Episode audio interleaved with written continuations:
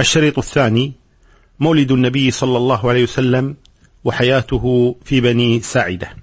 وفي يوم الاثنين كما ثبت عن النبي صلى الله عليه وسلم أنه قال يوم الاثنين يوم ولدت فيه. ولد سيد البشرية صلوات الله وسلامه عليه في شهر ربيع الأول على المشهور أمتن الله تبارك وتعالى على البشرية بولادة سيد المرسلين وإمام المتقين وقائد الغر المحجلين وذلك بعد حادثة الفيل بأشهر. وذلك في مكة المكرمة وكانت ولادته صلوات الله وسلامه عليه ولادة معتادة. لم يتمكن المؤرخون كما يذكر أهل العلم من تحديد يوم مولده وشهره على وجه الدقة. أما يوم المولد من أيام الأسبوع فهو يوم الاثنين كما قال النبي صلى الله عليه وسلم ولكن في أي اثنين؟ الله أعلم. قيل في التاسع من ربيع الأول وقيل في الثاني عشر وقيل غير ذلك وقيل في رمضان ولكن المشهور أنه في الثاني عشر من ربيع الأول. وأغلب الآراء كما قلنا على أنه في الثاني عشر من ربيع الأول ولكن تحديد يوم ميلاده صلوات الله وسلامه عليه لا يرتبط فيه شيء من الناحية الشرعية.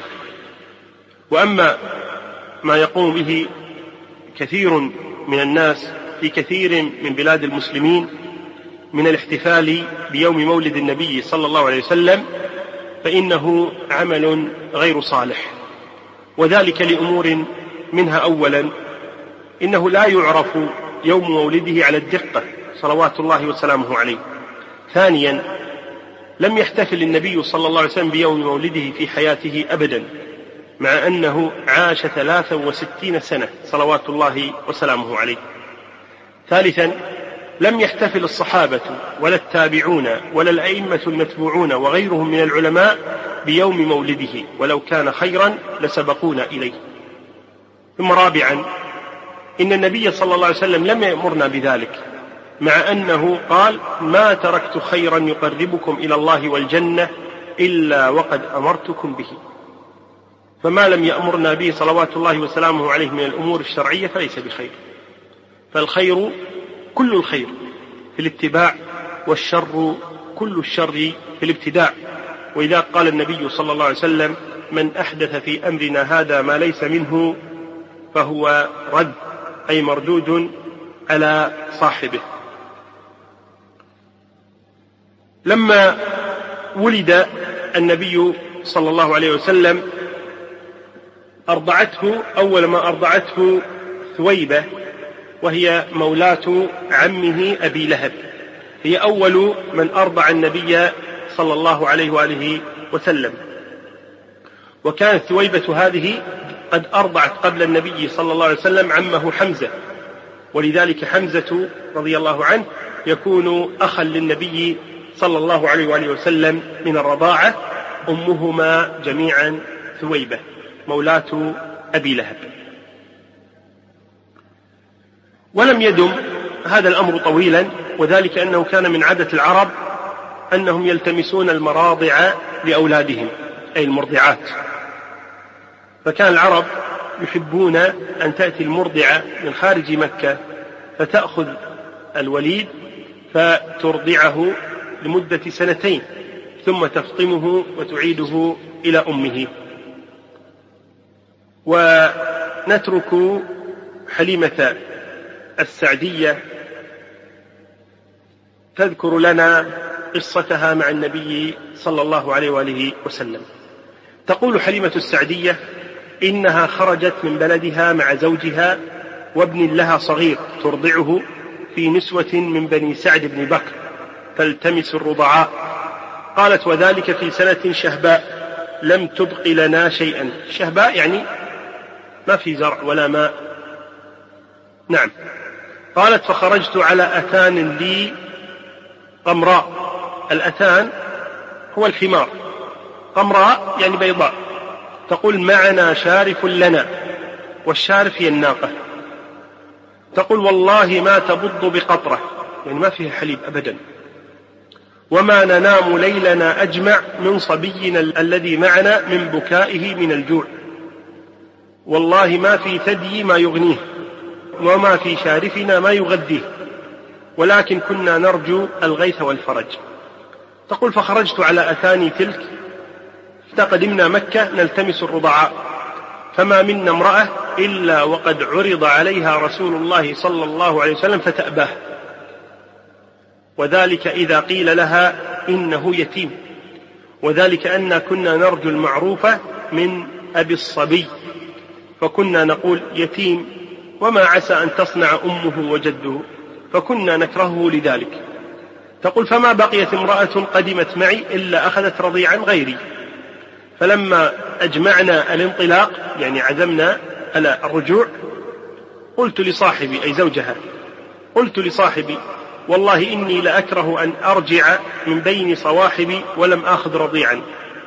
والله لأذهبن إلى ذلك اليتيم فلآخذنه. قال لا عليك أن تفعلي. عسى الله أن يجعل لنا فيه بركة. سبحان الله. هذه المسكينة حليمة السعدية. لا تدري أن الخير والبركة كلها عند هذا اليتيم. صلوات الله وسلامه عليه. الشاهد تقول فرجعت إليه فأخذته وما حملني على أخذه إلا أني لم أجد غيره. قال فلما أخذته رجعت به إلى رحلي. فلما وضعته في حجري أقبل عليه ثدياي بما شاء من لبن فشرب حتى روي. وشرب معه أخوه أي ولدها حتى روي ثم ناما. تقول وما كنا ننام معه قبل ذلك من بكاء الولد.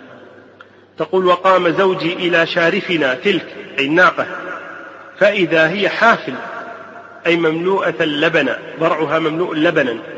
تقول فحلب منها ما شرب وشربت معه حتى انتهينا ريا وشبعا. فبتنا بخير ليلة. تقول فقال لي صاحبي أي زوجها يعني زوجها حين أصبحنا تعلمي والله يا حليمة لقد أخذت نسمة مباركة. قالت فقلت والله إني لأرجو ذلك. قال ثم خرجنا وركبت أنا أتاني وحملته عليها معي. حملت النبي صلى الله عليه وسلم. تقول فوالله لقطعت بالركب ما لا يقدر عليه شيء من حمرهم أي سبقتهم في المسير. حتى إن صواحبي ليقولن لي يا ابنة أبي ذؤيب ويحك أربعي علينا. يعني لا تسرعين انتظرينا. أربعي علينا. أليست هذه أتانك التي كنت خرجت عليها؟ فأقول لهن بلى والله إنها لهي هي. فيقولن والله إن لها شأنا. قالت ثم قدمنا منازلنا من بلاد بني سعد وما أعلم أرضا من أرض الله أجدب منها. يعني قاحلة ليس فيها زرع ولا ماء. تقول فكانت غنمي تروح علي حين قدمنا بها معنا شباعا لبنا. يعني الغنم تخرج ثم ترجع فإذا هي شبعانة وفيها لبن. فنحلب ونشرب وما يحلب إنسان قطرة لبن. لأن الأرض جدباء تقول ولا يجدها في ضرع حتى كان الحاضرون من قومنا يقولون لرعيانهم ويلكم اسرحوا حيث يسرح راعي بنت أبي ذئب. فتروح أغنامهم جياعا ما تبض بقطرة لبن وتروح غنمي شباعا لبنا. فلم نزل نتعرف من الله الزيادة والخير حتى مضت سنتاه وفصلته أي فطمته أي فطمت النبي صلى الله عليه وسلم. تقول وكان يشب شبابا لا يشبه الغلمان. فلم يبلغ سنتيه حتى كان غلاما جفرا يعني قويا ظاهرا. قالت فقدمنا به على أمه لأن بينهم وبين أمه وعد. بعد سنتين يعيدان إليها النبي صلى الله عليه وآله وسلم. تقول فقدمنا به على أمه ونحن أحرص على مكثه فينا. في البداية ما تريده الآن تريده صلوات الله وسلامه عليه. تقول فقدمنا به على أمه